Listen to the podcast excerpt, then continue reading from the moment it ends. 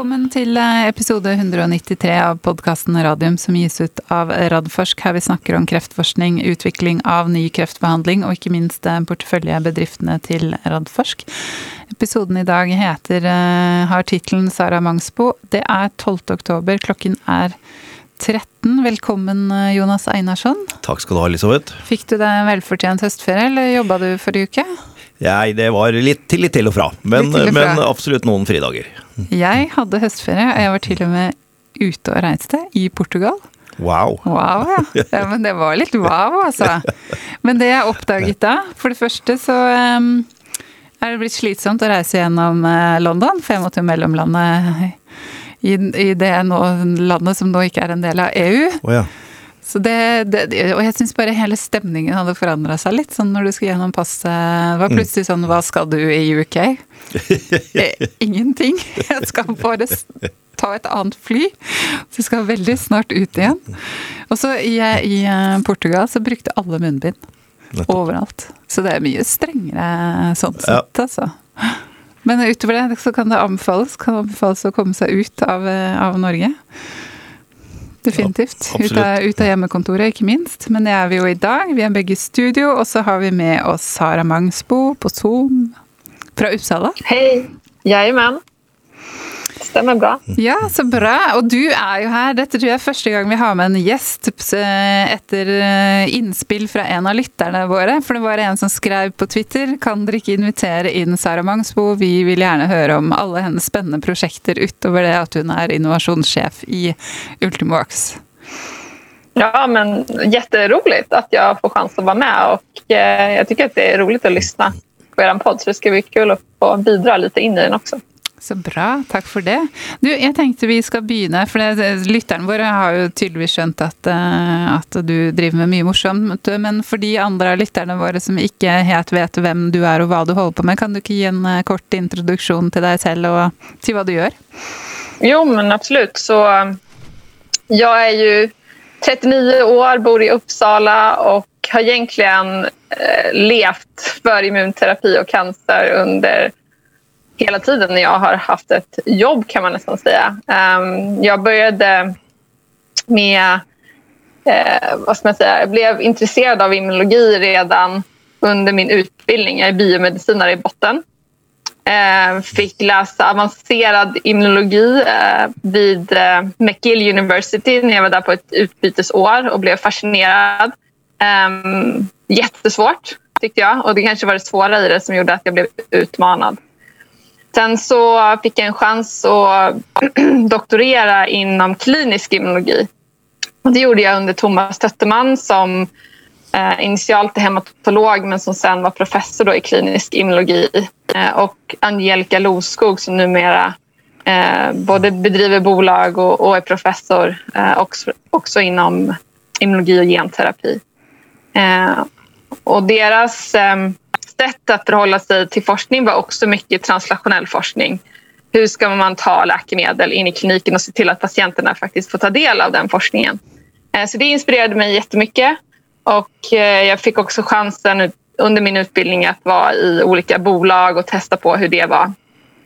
Och eh, gjorde en postdoc i Holland vid Leiden University Medical Center där jag fick lära känna Case Melief, Per Ossendorp och och eh, Jan Wouter Dreifout och jobbade just med eh, det liksom begynnande teknologin som vi driver nu eh, i Ultimovax. Och, eh, ja, det har varit en jättespännande resa. Jag har fått chans att också se på entreprenörskapet, startat flera bolag, fått lära mig om interaktionen mellan akademi och industri. Ehm, Bedriver just nu en forskargrupp i, vid Uppsala universitet. Jag är lektor inom biologiska läkemedel eh, och sen har jag en möjlighet då att vara i industrin genom de här entreprenörsdelarna som jag bedriver och det är väldigt utbildande. Jag har också varit en liten runda i marknadsbolaget på AstraZeneca, eh, nordisk-baltiska delen. Och det var också, tror jag, har färgat mig i förståelsen kring Eh, utmaningarna och möjlighet med att få läkemedel in på marknaden. Mm. Veldig spennende.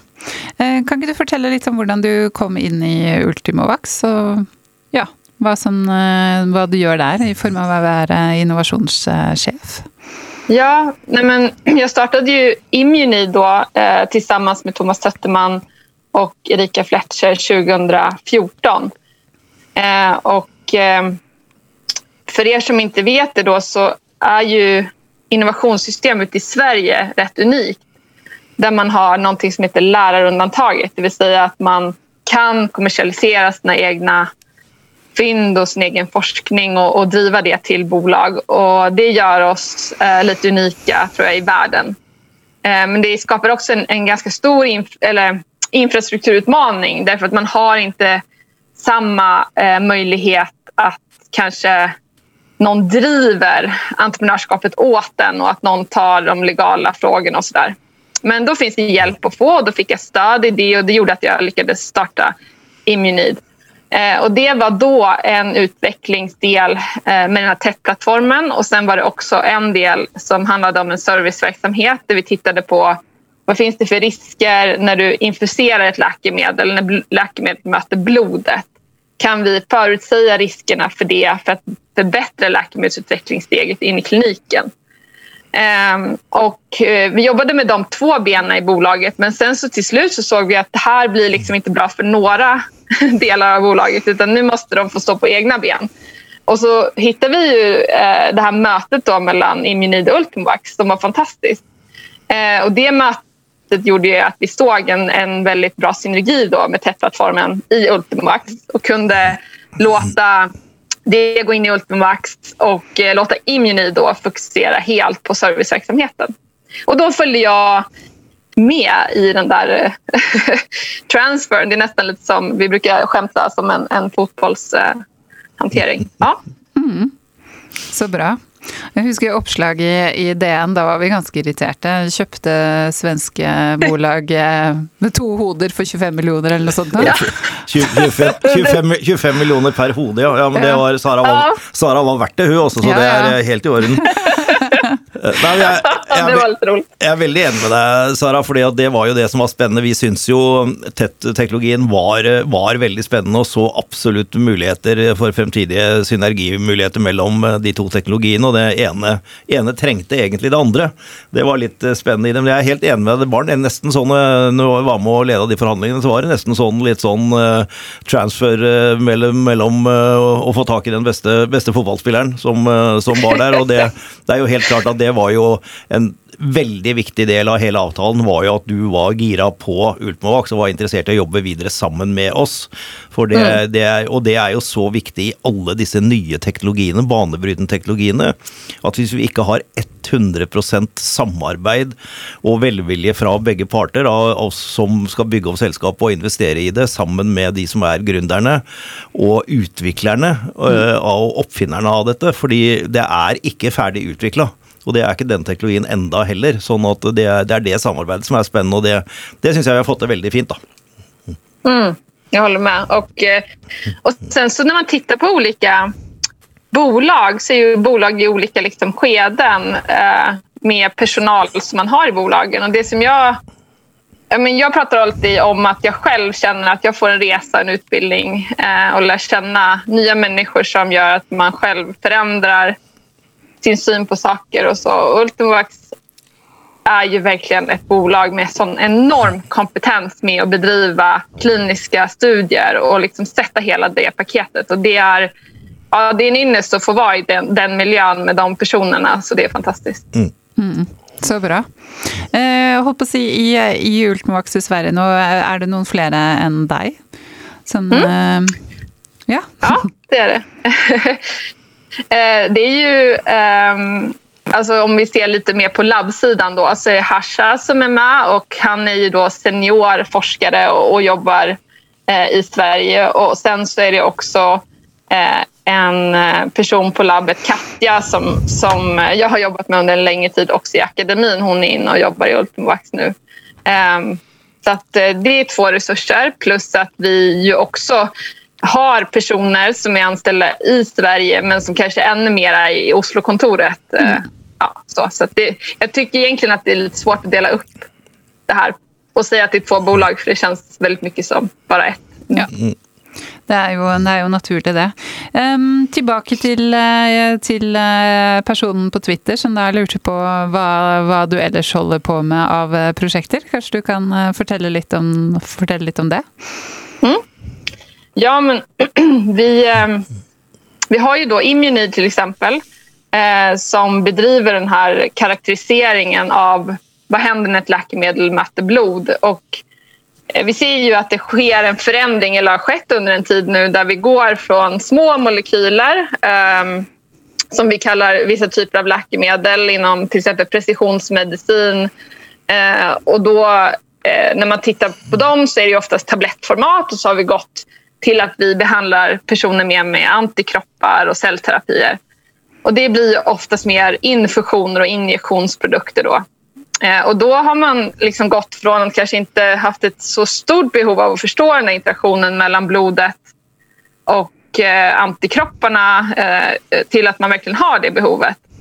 Ehm, och då började jag under min doktorandtid att försöka förstå det ännu mer med faktiskt ett system som gör att vi kan hålla blodet igång utanför en kropp eh, men vi kan också ha kvar de här kaskadsystemen ni vet, som gör att blodet klottar och levrar sig för att man inte ska förblöda. Eh, när man tar ut blod ur kroppen så måste man ofta sätta in heparin eh, eller andra typer av antikoagulans för att se till att blodet inte klottar ihop. Liksom. Men här kan vi hålla det eh, igång i en slang med hjälp av en unik eh, heparinkonjugat som sitter på insidan av slangen. Och sen kan vi sätta till olika substanser och över tid se vart tar läkemedlet vägen i immuncellerna. Vilka kaskadsystem aktiveras och sådär. Och, och, det är ju jättespännande att se att den idén om att det skulle kunna vara ett system som inte bara akademiskt används utan faktiskt kan ha en tillämpning inom den regulatoriska hanteringen av ett läkemedel, en läkemedelskandidat ska jag säga, och en förståelse för vad är det för risker med det här och ju tidigare vi kan förstå det i ett mer människosystem desto eh, mer kostnadseffektiv läkemedelsframställning får vi. Eh, så idag är det faktiskt ett eh, företag som levererar tjänster till stora och små företag globalt. Så det är häftigt. Mm. Det är ju kjempegøy, da. Mm. Mm, og veldig viktig og, og nyttig. Um, mm. Hvordan syns du det er å jobbe med en fot i, i akademia og en fot i industrien? Um, jag, alltså jag tycker ju att det till största del är väldigt stimulerande. Um, jag tycker att blir man för akademisk eh, och liksom håller sig inom akademin och har det nätverket då riskerar man ibland, tror jag, att inte se liksom, de stora frågeställningarna eh, som samhället har. Och vi pratar jättemycket idag om samverkan mellan eh, omgivande samhälle och akademi. Och för mig är den aspekten jätteviktig. Eh, kanske också för att jag tycker om den här translationella delen av forskningen. Eh, men såklart så finns det ett jättestort behov av att inte bara ösa pengar på det utan också se till att grundforskningen består och, och växer. Så att jag, jag kan absolut vara kritisk till den här styrda forskningen på sitt sätt. Eh, men jag, jag gillar den eh, delen. Eh, det som är utmanande är ju bara tiden, liksom, om mm. man ska hantera familj och eh, att vara entreprenör och också hinna med det. Det är utmaningen. Och då får man ju... Jag tycker att, att man får bli bättre och bättre på att se till att man bygger teamen kring sig eh, och att man är snäll mot sig själv ibland också. Mm. Jeg syns det var veldig interessant det du sa i stad Sara, om lærerrundtaket. Eh, fordi ja. som du sikkert vet, så hadde jo vi lærerrundtaket i Norge fram til tidlig på 2000-tallet. Mm. Uh, og da, det var først da det ble, ble fjerna. Eh, og det har vært en ikke helt Eh, smertefri overgang til å finne systemer for hvordan vi skal ta vare på forskerne og mm. oppfinnelsene deres, og gi dem den muligheten som skal til. For det, det, man kanskje trodde den gangen, det var at hvis du melder din neste oppfinnelse inn til institusjonen, og institusjonen skal ta den videre, så kommer de ingen vei hvis ikke du er med på hele løpet. Og da må Nei. også forskeren bak tas vare på. Og der har vi en utfordring i Norge i dag, og nettopp det du mm. sier, at når man, hvis vi hadde oppheva lærerunntaket i Norge i dag, så sier, eller gjeninnført det, så sier ikke jeg at det er løsningen. For fordi da har ikke vi robuste systemer til å ta vare på dette. Og det er jo det vi prøver å bygge opp her, da, med, med Innovasjonsparken og inkubatoren. Og prøve å lage systemer som gjør at spesielt unge, også unge forskere, kan komme med ideer og få lov å teste de litt ut, uten at de behøver å liksom risikere hus og hjem og grunn og sånn med en gang. Fordi det er sånn at det er en del oppfinnelser som blir tilbakeført til forskerne her i Norge, fordi disse TTO-systemene da ikke ønsker å gå videre med det, og da er det ikke noe system for det videre. Og, og det er noe vi, vi virkelig trenger. Så det, det å sammenligne hvordan det foregår i Sverige med lærerunntaket, og hvordan det har foregått i Norge uten lærerunntaket, det er liksom en veldig spennende å se videre på. Da. Kanskje en hybridmodell på en Ja. måte der. Ja, men det, jag tycker att du är inne på något med den här hybridlösningen. För att det är inte alla i Sverige som heller vill vara entreprenör eller orkar dra den här delen. Och, och jag tycker att vi också ibland då skulle riskera att urvattna akademin också ibland. Eh, För det finns ju en, en ganska stark tryck ibland i det initiala skedet i bolags eh, byggandet att man ska gå in i bolaget då helt. Eh, och då riskerar man ju att dränera, liksom bli lite brain drain tycker jag. Så jag är också lite så intresserad av den här hybriden. Varför kan inte den få existera? Eh, och det är klart att det kanske är ett dubbelt jobb, men varför inte liksom bygga det från det nordiska perspektivet och ta tillvara på det. Eh, jag gillar ju incitamentet som finns i läroundantaget liksom, på något sätt. Eh, och vi har inte höga löner eh, för svenska akademiker. Och då tycker jag att den här liksom, delen kring läroundantaget skulle kunna få vara mycket mer av en profildel globalt för att rekrytera in kompetenta forskare till Sverige. Men tyvärr använder, sig inte universiteten jättemycket av det Eh, för att profilera sig och, och Sverige. Så det tror jag vi borde göra mer. Men jag, jag skulle jättegärna se att, att du drog den här hybridlösningen. Det vore väldigt spännande. Mm. Ja, jeg, jeg, jeg tror det er mulig. Jeg har diskutert det mye spesielt med Universitetet i Oslo, og de er veldig interessert i det. Fordi at eh, man kan tenke seg en, en modell som vi har delvis prøvd ut nå, hvor, hvor eh, forskerne får beholde eierrettigheten til oppfinnelsen men de ønsker å forske videre. Selv om du har sendt inn en patentsøknad, så er det ikke sikkert at tiden er inne for å lage et bolag eller et selskap. Det kan komme litt lenger ned i veien, og at de da kan få lov til å fortsette å forske og søke forskningsmidler for å styrke da det som er deres egen oppfinnelse og patenter. Men da kan man lage en ordning som sier at den dagen de oppfinnerne tjener penger på sin oppfinnelse, så betaler de en viss prosent av sin egen fortjeneste tilbake til institusjonen. Og Det er en modell som nå det begynner å bli litt mer interesse for i Norge, så det er veldig spennende å di- diskutere dette. Det var ikke det vi skulle diskutere i dag, men jeg syns dette er veldig Det spennende. er veldig spennende, absolutt. Ja. Det høres ut som en vinn-vinn-vinn, den du trekker frem der, da, Jonas. Så Jeg tenker sånn, I hvert fall for Norge, da, som du sikkert vet, eh, Sara, med den omstillingen vi er midt oppi nå i forbindelse med oljealderen og, og klimatrussel og sånt noe, så jeg tenker jo at det at man tar vare på altså de dyktige forskerne, men samtidig får ut innovasjon, det er jo så ekstremt eh, viktig. Så det må, ja, man må liksom løse den. Kanskje du kommer opp med en løsning, eh, Einarsson? Jobbe med saken. Ja. det är bra. Grymt. Ja. Du har alltid mye saker du, saker du jobber med. Du, eh, vi må også innom noe annet eh, morsomt, Sara. Og det er jo at du, du har blitt en form for eh, kjendis i, i Sverige. Man kan jo knapt eh, åpne eh, en av de store riksdekkende avisene eller slå på TV-en uten at du er der og enten snakker om kreftvaksiner, jeg vet, men du har vel også snakket litt om eh, korona og, og generell immunterapi. Hvordan er det å ha den rollen? Ja, ehm, jag börjar bli van. Man blir ju van efter ett tag. Eh, det var jättenervöst i början. Men ja, jag tänker så här att jag har fått en plattform och den är helt fantastisk.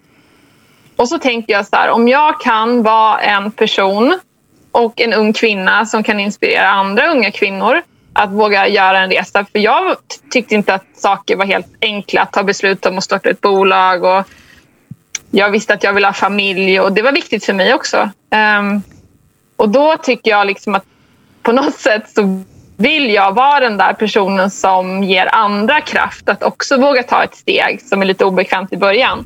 Så alla saker sånt där delar kan ju vara obekväma och det, är- det är någonting som jag alltid försöker eh, se till att jag inte ryggar för. Eh, för att jag vet att jag kommer lära mig någonting. Eh, och sen så tror jag att ehm, att undervisa på universitetet eh, är ju också varje år någonting jag lär mig kring hur man undervisar, hur man når fram, vilken nivå man ska lägga samtal på för att studenterna ska förstå. Eh, och det gör ju att man gradvis, ska säga, man blir aldrig bra och fullärd på kommunikation men man gradvis blir bättre. Eh, och det borde jag då också använda för att kommunicera kring eh, den vetenskapen som ligger mig så varmt om hjärtat immunterapi och cancer. Och när jag får den plattformen, då, då tar jag den. Ja, det är väldigt bra. Jag är helt, eh, helt, helt, enig i det du säger. Jag tänker att Det är väldigt viktigt för, eh, ja, som du säger, många kvinnor att visa att det är en, en möjlighet. Och så är det inte minst fint att, eh, sett från mediernas sitt ståsted, att man har en, en, duktig forskare som kan förklara på en enkel och, och förnuftig måte det som skjer. Dette er jo veldig kompliserte ting, spesielt uh, immunsystemet. Så det at man på en måte klarer å, å, forklare det sånn at de fleste kan forstå det, er jo kjempe, kjempeviktig. Mm. Mm. Du, vi har fått inn noen spørsmål fra lytterne også. De har ikke du fått sett, så nå må du spisse, spisse ørene. Det går på, uh, går på på Ultimovax. Det ene spørsmålet er ganske langt, så jeg skal lese det sakte. Eh, I tidigare studier med UV1 har man sett immunresponser kopplat till de peptidene som UV1 består av flera år efter sista dose. Dersom UV1 visar överbevisande klinisk effekt i patienter med full spredning, vill man inte med stor grad av sannolikhet också kunna förvänta att den har en eller annan grad och längd av beskyttende effekt i friska? Ja, men då kommer man väl in i det här med prevention eh, av vacciner. Och det är ju en intressant vision, tycker jag. Alltså, hur, hur skulle cancervacciner kunna vara preventiva och användas på det sättet? Och det finns ju så många dimensioner av det. Eh, jag skulle ju väldigt gärna såklart vilja jobba mot en sån vision. Eh, utmaningen ligger i att det blir extremt stora studier som tar jättelång tid. Eh, och sen måste vi vara säkra på att det finns en mm. betalningsvilja från samhället. Mm. Um, och, eh, och det tror jag vi kommer behöva liksom ha örat mot rälsen och förstå framåt uh, för att kunna se hur, hur det här ska gå till. Um, och, och sen om man tänker sig vad är ett idealt preventivt cancervaccin? Ja, det är ju inte vad som helst. Därför att hur ska du kunna förutspå vilken mutation som en viss cancer har? Och då finns det ju eh, bara, tror jag, vissa eh, olika proteiner som man kan ta ut eh, peptider från eh, och göra sådana typer av vacciner. Därav har vi ju UV1 som ett sådant möjligt eh, liksom vaccin. Men eh, liksom man kan aldrig eh, gå ifrån eh, den här liksom förståelsen kring hur man ska ta sig dit. Och, och den är viktig att, att konstant tänka på. Mm. Mm. mm. Har du noe å tilføre, eller? Nei, altså det, det, er jo dette vi har drøftet egentlig siden jeg traff Gustav Gaudernok og co. for snart 20 år siden. Det er jo mhm. nettopp hvordan, hvordan skal vi sette dette sammen, og ikke minst som, som Sara sier. Tidligere så har det liksom vært sånn nei, men dette går ikke for det blir for store studier, men nå er det jo veldig mye mer kunnskap som er kommet nå, som gjør at vi kanskje innenfor helt spesielle områder kan nærmest forutse at disse pasientene har veldig stor sannsynlighet for å utvikle en viss krefttype.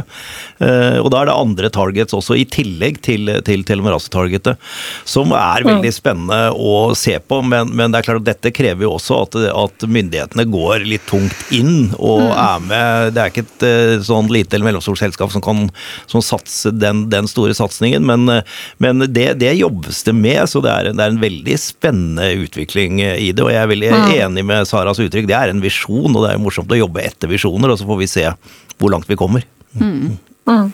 Och, och sen tror jag också att, att eh, det som myndigheterna och regulatoriska myndigheter då jobbar med är ju också att se vad för alternativa endpoints, alltså i kliniken så mäter man ju oftast överlevnad eller progressionsfri överlevnad och då är det ju svårt att genomföra sådana här studier men myndigheterna öppnar ju för mer och mer alternativa endpoints och man mm. kan motivera det.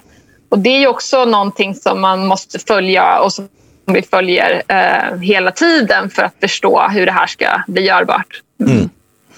Men jag tänker sånn, eh, det må ju vara det ultimata målet på många måter da, innenfor kreftbehandling, at man kan utveckla en sånn type kreftvaksine som kan altså, forhindre, vaksinere mot kreft.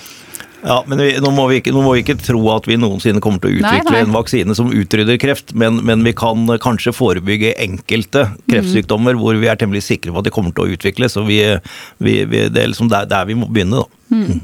Ja, och det som, som Jonas är inne på, liksom att det finns ju vissa, vissa indikationer där det finns eh, patienter man kan verkligen titta in på högriskindivider. Och det är också risk-nytta eh, med såna bedömningar och också betalningsviljan för det här. Eh, och då kan det ju vara så att zooma in där på dem kan ju vara intressant. Men som sagt, det kräver, det kräver inte bara en innovation i ett läkemedelskandidat. Det kräver så mycket mer och också en vilja från fler aktörer att titta in på det här tror jag. Mm. Mm. Så bra, tack. Um... Siste spørsmål. Jeg eh, lurte litt på forklaringen om at man bruker Tendu-peptidene framfor UV1-peptidene i den pågående fase 1-studien med TET-teknologien. Er det sånn at det var en del av avtalen da Ultimovax kjøpte TET Pharma fra Immunid i 2018, at Ultimovax skulle ta Tendu-peptidene fram til klinikk, og ikke bare TET?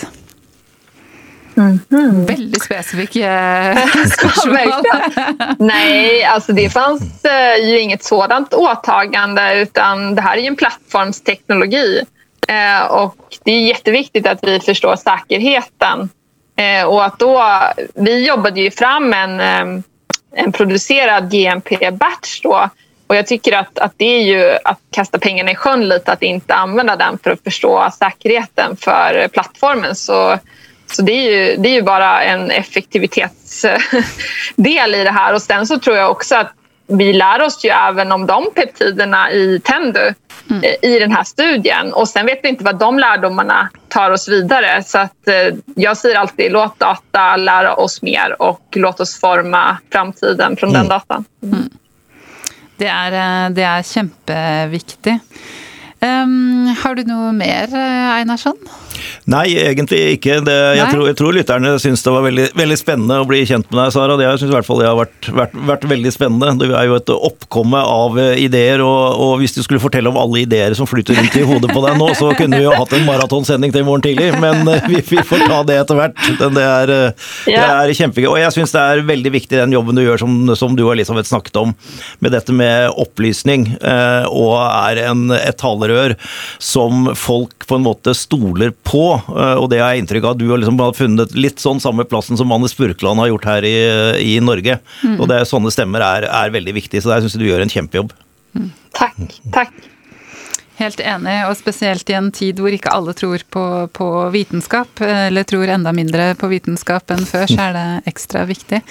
Tusen hjertelig takk for at du var med oss, eh, Sara. Og så håper jeg vi ses eh, og høres igjen snart. Tack för att jag fick vara med. Mm, flotta grejer. Ha, ha det bra. bra. Ha det.